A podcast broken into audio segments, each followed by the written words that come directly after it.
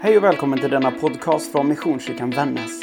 Vi hoppas att den ska uppmuntra dig till att ta nästa steg i din tro. Om du vill ha mer koll på vad som händer hos oss, gå in och följ Missionskyrkan Vännäs på Facebook och Instagram eller kontakta oss via vår hemsida www.missionskyrkanvannas.se. Välkommen hem hit. Om jag säger att vi ska tala om bön, hur reagerar du då på det? Kanske tycker du att den frågan är konstig. Men min erfarenhet det är att bön det är något som är extremt laddat. Och då talar jag inte bara liksom utifrån någras perspektiv. Utan bön det är någonting som jag tänker och har erfarit hur laddat det är. Både bland icke-troende som säger sig inte ha en tro, men också bland de troende. Det kan finnas en mängd olika känslor kring bön. Och några det kan vara som, som jag hör mycket är om otillräcklighet, att jag ber för lite, jag ber för, på för dåliga sätt. Jag önskar att jag skulle få höra mer. Jag tvivlar så på bönen. Men också den totala motsatsen, om styrkan i bönen, om att det är grunden för allt. Att ja, det, det, det är liksom, jag ser mig som en bönemänniska, bönen är det centrala.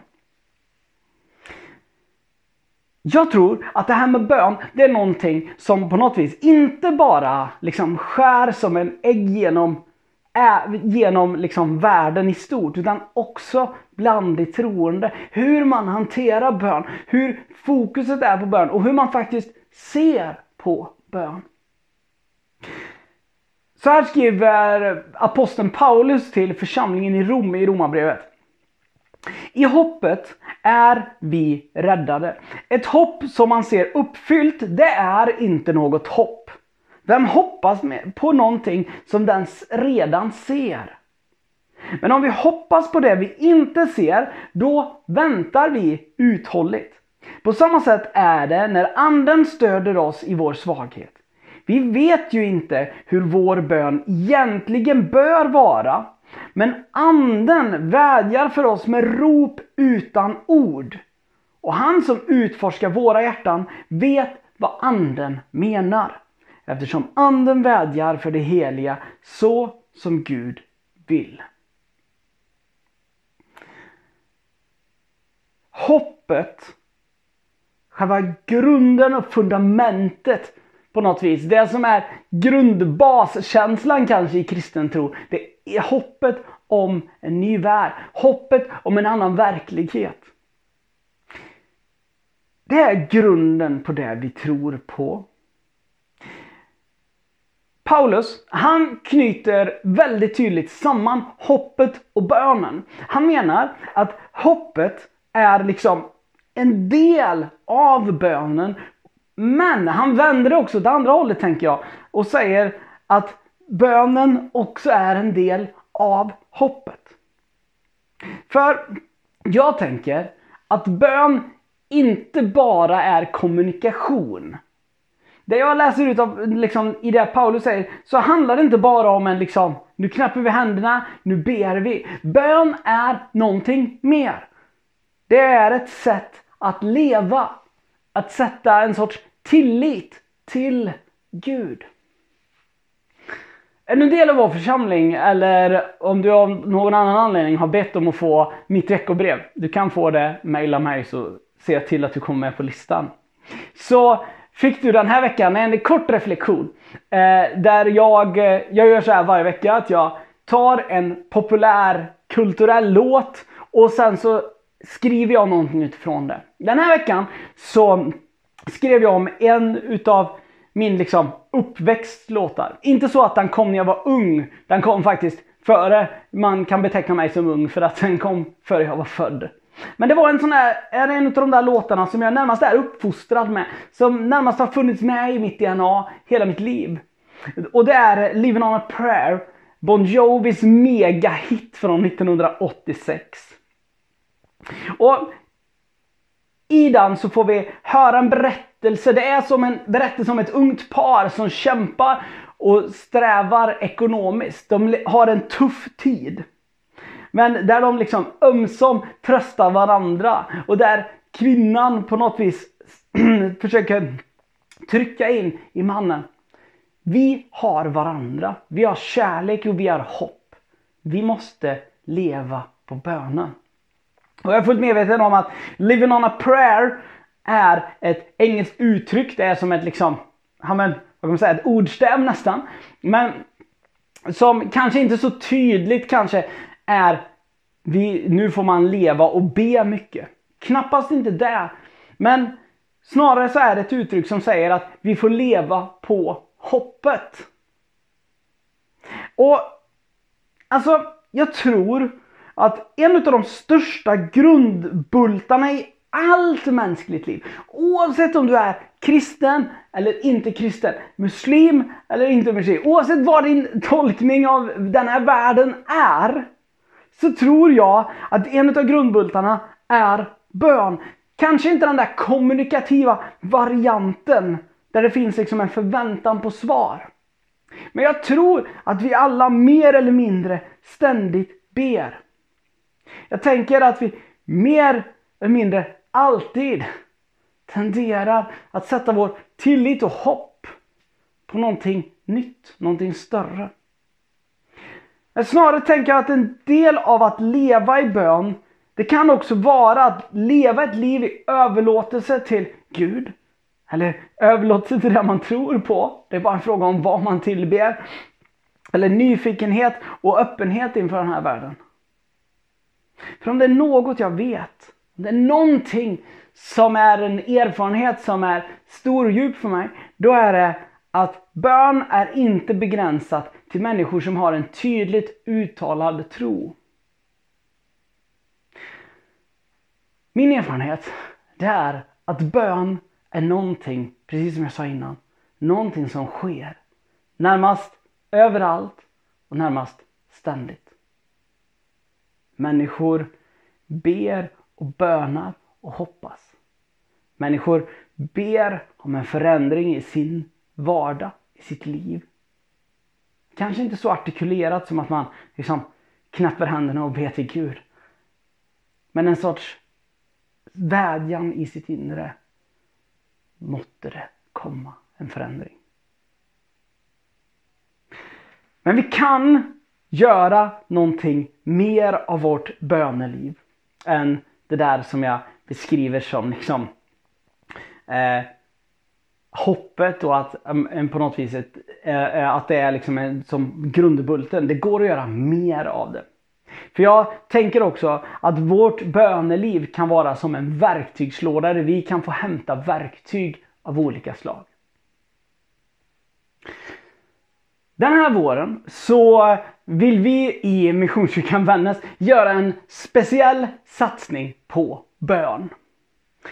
Vi tror att bön är någonting som verkligen kan få vara en verktygslåda i ditt liv. Och därför vill vi den här våren bjuda in dig till bönekursen.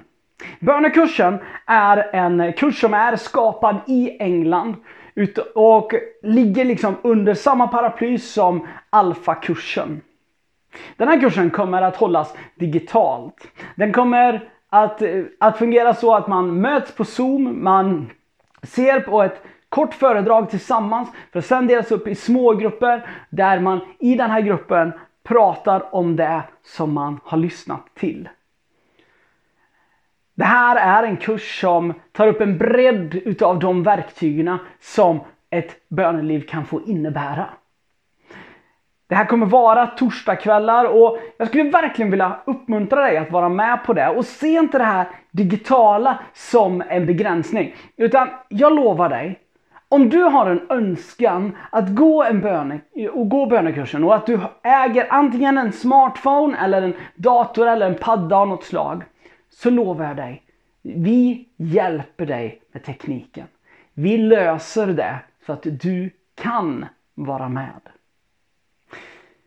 Allt du behöver veta om det här och, och så vidare finns att läsa på vår hemsida. Men du kan ju givetvis också kontakta mig om du har några frågor om du, eh, och funderingar över vad det är som gäller. Men jag skulle verkligen vilja uppmuntra dig att den här våren kunna få ta åtta veckor som det är, det är åtta tillfällen. Att ta åtta veckor och verkligen få lägga en kväll i veckan och bygga upp ett starkare böneliv. För min erfarenhet är, jag liksom har varit en sån här som har haft ett otroligt dåligt självförtroende när jag kommer till bön. Där jag har tyckt att jag är dålig på det här, jag ber för lite, jag gör fel saker. Att verkligen få bli uppmuntrad. Att dels att Gud leder i bön. Men också att verkligen få reella verktyg. Så här kan man be. Det här kan ge dig rutiner. Det här kan hjälpa mig framåt. Så, bönekursen. Haka på. In på vår hemsida missionskyrkanvännäs.se och läs mer.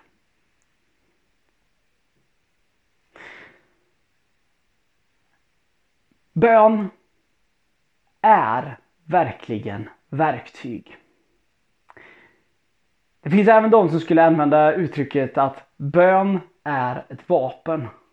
Och jag vet inte om jag är beredd att gå så långt och säga att det är vapen.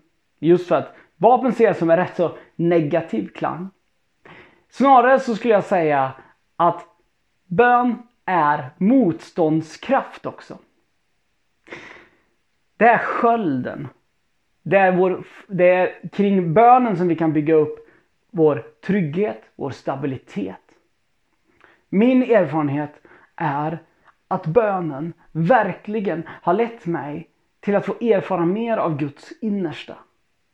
Därför så tror jag att, att, liksom, att få ägna tid åt bön, att få ägna tid åt att utvecklas i bön är någonting som aldrig är dåligt investerad tid.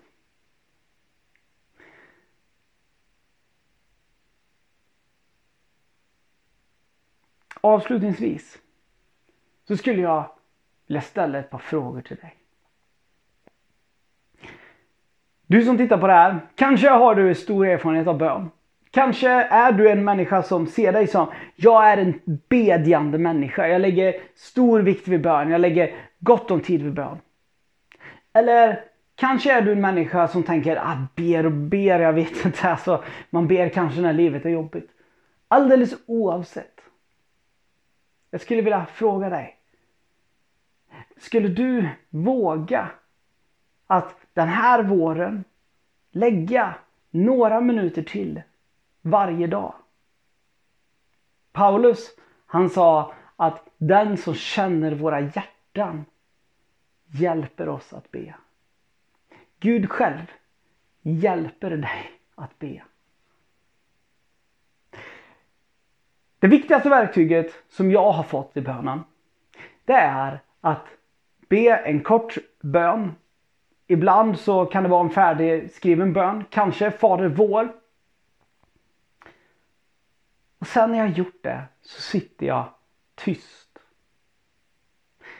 Vissa de sitter tyst så länge de känner för det. Det gör jag idag. I början var det outhärdligt. Så jag fick rådet, ta en äggklocka eller ställ en timer. Första gången så gjorde jag tre minuter. Om ni visste hur långt tre tysta minuter var för mig där och då. Utan att göra någonting. Jag satt och blundade och lyssnade. Idag så är min rutin att jag försöker varje dag sitta åtminstone 10 minuter och bara lyssna. Jag önskar att jag hade lagt mer tid men i ärlighetens namn 10 minuter är det jag får till effektivt bra. Det är utan tvekan det verktyget som har hjälpt mig djupare och närmare Guds hjärta. Att få lyssna in, vad vill Gud säga till mig?